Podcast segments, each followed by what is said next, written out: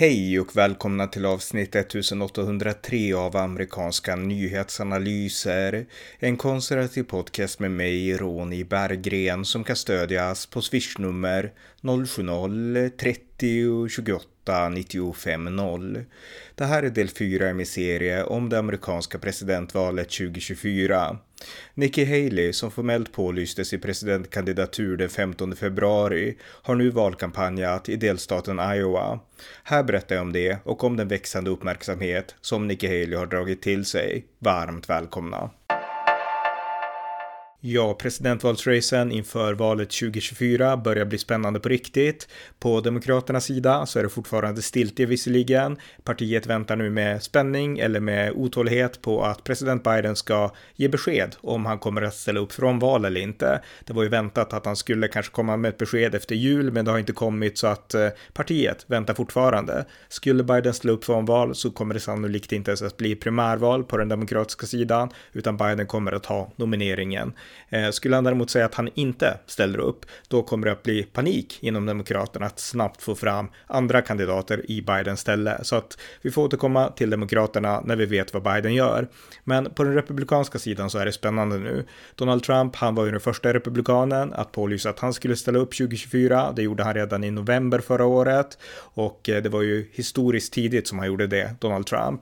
Eh, sen dess så har vi väntat på att kanske de fler ska ge sig in i leken, kanske Ron DeSantis, Floridas guvernör, som det pratades mycket om efter midterms. Men det som han först, det var Nikki Haley, eh, den tidigare republikanska guvernören i South Carolina, som också var FN-ambassadör under Donald Trump. Och eh, hon pålyste sin presidentkandidatur den 15 februari. Jag poddade om det.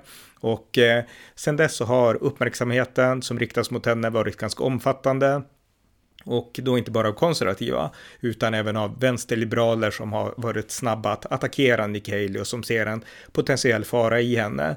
Och en av dem, det var Don Lemon från CNN som var kritisk till hennes ålder och han sa så här på CNN. Nikki Haley is in her prime, sorry. When A woman is considered to be in her prime in her 20s and 30s and maybe 40s. Och eh, det här klippet har jag omnämnt i andra poddar tidigare, men jag vill spela det igen här så att ni kunde höra det. Det här gjorde att även hans eh, liberala kollegor, de kvinnliga kollegorna på CNN, de blev kritiska när Don Lemon sa att kvinnor under 50, de är eh, ja, där är de i sin prime, men när de är över 50 så hon är för gammal ungefär. Alltså han fick mycket kritik även från CNN för det här. Hans show blev inställd temporärt och Eh, Eh, vi får se vad som händer med Don Lemons karriär, men där har vi liksom en åldersattack på Nikki Haley.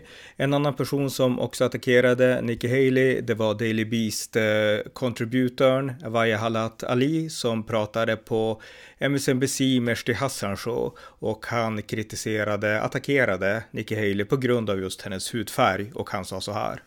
So I see her and I feel sad, Mehdi. Because she uses her brown skin as a weapon against poor black folks and poor brown folks, and she uses her brown skin to launder white supremacist talking points. And the reason why I feel sad, because no matter what she does, Mehdi, it'll never be enough. They'll never love her. Så i Don Lemon från CNN så attackerades Nikki Haley för att hon var gammal, för gammal kvinna för hans smak. Och Wajahat Ali attackerar Nikki Haley för att hon inte har hans egna liberala politiska åsikter. Och har man inte det så lånar man ut sitt bruna skinn till, eh, ja, white supremacists, ungefär så sa han. Så att det här är väldigt nedriga attacker mot Nikki Haley. Hon är inte det minsta rädd för sådana här attacker, hon är också rätt van kan sägas, men hon har varit ute och skrivit på Twitter om det här, hon har inte intervjuats av Fox News och eh, slagit tillbaka helt enkelt. Så att hon känns inte som att hon är rädd eh, för de här attackerna. Eh, det ska också sägas att sannolikt så kommer de här eh, utspelen från de här vänsterliberalerna inte att vara till deras, utan däremot till Nikki Haleys egen fördel. Därför att de här attackerna är så nedriga att det är liksom, det är svårt att känna sympati med de som attackerar och det är svårt att ta det här för trovärdigt om man nu inte är inne i vänsterbubblan redan liksom och då spelar det ingen roll vad man tycker. Men eh, republikanska väljare. De kommer inte i, liksom skrämmas av det här, utan tvärtom. Eh, Nikki Haley skulle kunna spela de här klippen på de här som attackerar henne och eh, berätta för de republikanska primärvalsväljarna, titta, de menar att ni alla är rasister, men jag tittar på min hudfärg och eh, min, mitt kön, jag är kvinna, jag är beviset på att ni inte är det ungefär. Och sen kommer hon nu få massa jubel från, från republikanska kärnväljare. I ett eh, allmänt val så tror jag att det här också kan eh, gynna henne bland moderata väljare som kanske inte alltid är liksom för alla hennes politiska åsikter och ståndpunkter, men som ändå kan se igenom och anse att de här attackerna är orättvisa, de är osakliga och det här ställer vi inte upp på helt enkelt. Så att de här attackerna, syftet är såklart att försöka sänka Nikki Haley, men de enda som applåderar det är de här extremisterna i liksom vänsterns kärnväljarbas.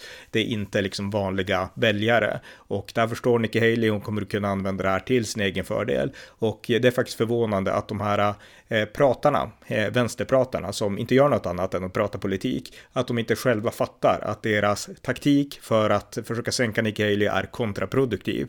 Men de är väl för känslomässigt upprörda för att kunna förstå det. Så att eh, så har pratet om Nikki Haley varit den senaste tiden, men Nikki Haley har också gjort mycket mer än att bara besvara kritiken. Hon har varit ute och kampanjat, hon har varit i New Hampshire eh, och eh, nu senast igår så var hon också i Iowa, den första caucus-delstaten i de amerikanska primärvalen och en ytterst viktig stat, speciellt om man är en ny kandidat som Nikki Haley då är. Och eh, i Iowa så talade hon om utrikespolitik och det är det inte alla republikaner som gör och definitivt inte alla som gör på det sätt som Nikki Haley gjorde. Därför att Nikki Haley pratade om kriget i Ukraina och hon var glasklar i sin ståndpunkt. Hon hade samma instinkter som Ronald Reagan, George W. Bush. Lyssna här, så här sa Nikki Haley om kriget i Ukraina. All of this would have been further along if Biden would have reacted hard and fast in the very beginning. If we win this fight for freedom, it will send a signal to every enemy we have. If we lose this fight for freedom, Russia has said Poland and the Baltics are next, and then we've got a world war. A strong military doesn't start wars, a strong military prevents wars.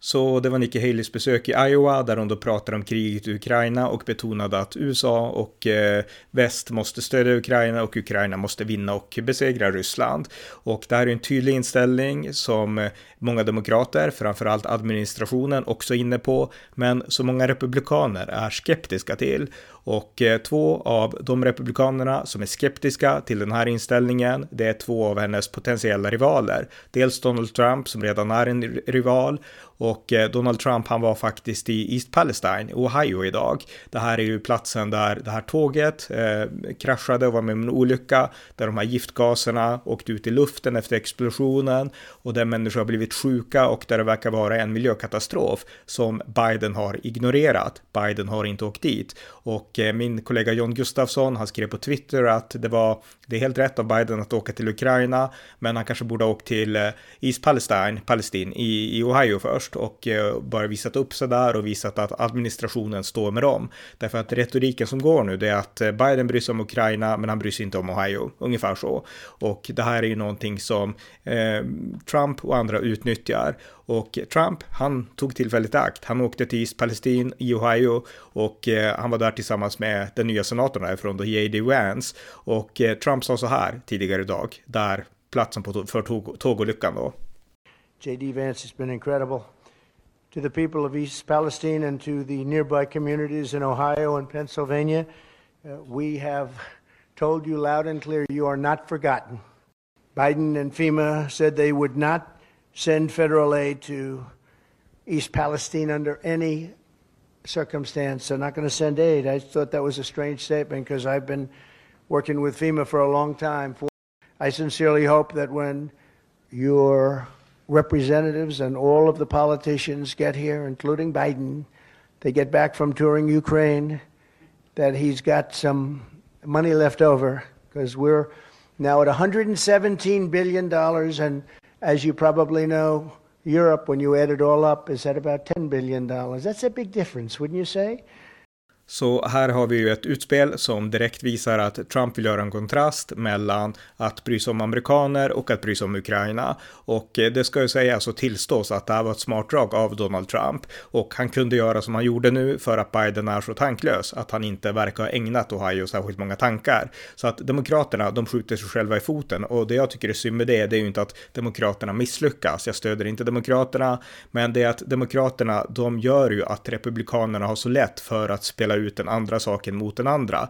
gränsen är osäker, Demokraterna bryr sig mer om Ukrainas gräns än vår gräns mot Mexiko, tågolycka och Ohio, Demokraterna bryr sig mer om att hjälpa Ukraina än att hjälpa Ohio. Alltså Demokraterna lägger upp för den här formen av skadliga, skulle jag säga, retorik på den republikanska sidan. Men Donald Trump är inte ensam, utan även Ron DeSantis, Floridas guvernör.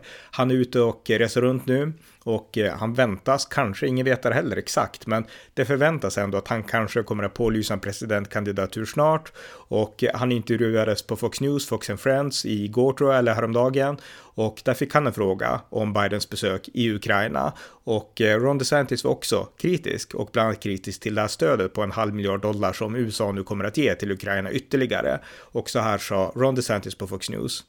Well, you know, Brian, I'm reminded of uh, when he was vice president. Obama and Biden uh, opposed providing lethal aid to Ukraine during those years. Uh, and then I'm also reminded. So I think while he's over there, I think I and many Americans are thinking to ourselves, okay, he's very concerned about those borders halfway around the world.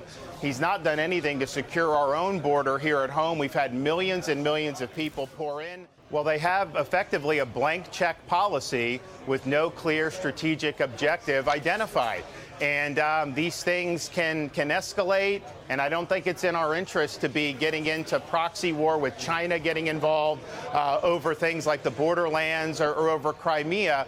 So I think it would behoove them to identify what is the strategic objective that they're trying to, to achieve. Uh, but just saying it's an open ended blank check, uh, that is not acceptable. Så här har ni två exempel på två republikaner, Donald Trump och Ron DeSantis, som har en annan inställning än Nikki Haley. Nikki Haley har ju den här klassiska republikanska inställningen som partiet hade helt enhetligt i princip med kanske Ron och Rand Paul, så vissa undantag innan Donald Trump kom in i leken. Så vart det tvärtom, då vart det de med lite mer Trump syn på saker och numera också Ron DeSantis syn på saken som tog över partiet och dominerade och sådana här som Nikki Haley, John Bolton och andra, de hamnade lite mer på sidan.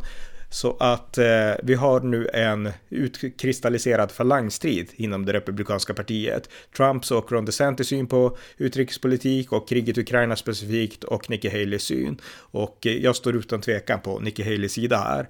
Ehm, eh, och eh, det intressanta är också såklart att Ron DeSantis och Donald Trump, de, de är inte vänner bara för att de har samma åsikter i den här frågan, utan de bråkar om andra saker. Så att intrigerna, de är redan i full gång och det här är otroligt spännande skulle jag säga då. Men i alla fall, Nikki Haley för att hålla mig till henne. Hennes stora fördel med att ge sig ut tidigt eh, i, i leken, det var att hon har nu plötsligt eh, skapat sig en plattform. Hon har lyckats göra det väldigt eh, effektivt genom att vara tidigast ut efter Donald Trump då. Men Donald Trump, han pålyste mellanårsvalen, de gick dåligt och han tappade sitt mojo lite grann, Donald Trump. Plus att han känns äldre. Alltså han har hållit race där han känns pigg och så, men han är inte i liksom samma liksom fighting spirit som han var 2020 tycker jag ändå. Han har haft något race tidigare där han har låtit väldigt så här pigg och så, men han ser ändå relativt trött ut. Det kan förändras, men eh, ja, vi får se helt enkelt vad, vad som händer i det avseendet.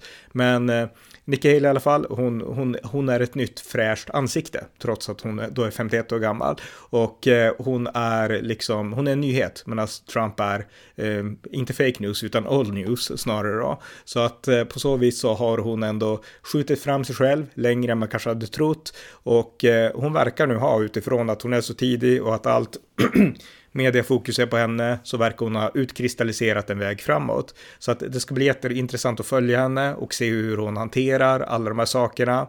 Eh, 2016, eh, det var ju dels Donald Trump, men vi ska även komma ihåg Barack Obama dessförinnan. De kampanjade på en mycket mer isolationistisk utrikespolitik. Och eh, det var ju ett amerikanskt folk då som var trötta på krigen, både Irak, Afghanistan och andra olika oroshärdar. Men idag så är inte riktigt på samma sätt och jag skulle säga att även republikanerna inser att Ryssland, det är ju våran klassiska hotbild och vi har inte skickat soldater till Ukraina utan vi stöder bara Ukraina. Jag tror att det finns stort utrymme för den formen av republikanism i dagens republikanska parti. Och det här gör att jag tror att Nikki Haley verkligen har en chans att kunna på något sätt använda sig av de här äh, sidorna som Trump verkligen förde in som var positiva i den republikanska rörelsen, anti-woke, äh, stå upp för det nationella, ha en äh, liksom sansad syn på frihandel, men samtidigt var glasklar utrikespolitiken, det som republikanerna alltid har trott på. Vi är emot Ryssland och rysk imperialism, vi är emot Kina, kinesisk imperialism, vi är emot eh, Iran och deras eh, eh autokratiska tendenser och deras hat mot Israel och deras nedslagande av demokratirörelsen och vi står upp för Israel och sådana saker. Alltså de här klassiska republikanska idéerna. Jag tror att Nikki Haley kan kombinera det med att också vara anti-woke och liknande. Så att hon har verkligen en unik möjlighet att hitta sin egen nisch här. Och skulle andra republikaner som John Bolton komma in så skulle han vara ännu mer hökaktig än, än Nikki Haley gällande Ryssland. Så att eh, det ska bli jättespännande. Alltså det här blev ett spännande race det här primärvalet ändå. Och eh, det var ju många som för ett halvår sedan pratade om att kommer det någon ens att ställa upp för om Trump ger sig in i leken så äger ju han sitt parti ungefär. Och det gjorde han då. Men mellanårsvalet förändrade mycket när republikanerna bara med nöd och näppe tog representanthuset och inte tog senaten. Och eh, skulder för det har många bedömare lagt på Donald Trump. Det var hans kandidater som förlorade. Så att han har verkligen tappat sitt mojo och det har gett andra kandidater som Nikki Haley en chans. Så att det här håller ju på att bli spännande. Så att eh, det känns väldigt kul att, att följa det här. Så att nu har ni fått den senaste uppdateringen inför 2024 och eh, det här var del 4 i min valserie då om presidentvalet 2024. Tack för att ni har lyssnat på amerikanska nyhetsanalyser, det konservativa alternativet i ett vänsterliberalt svenskt mediabrus. Podden kan stödjas på swishnummer 070-30 28 95 0 eller via hemsidan usapool.blogspot.com på Paypal, Patreon eller bankkonto. Skänk också gärna en gåva till valfri Ukraina-hjälp. Vi hörs snart igen. Allt gott tills dess.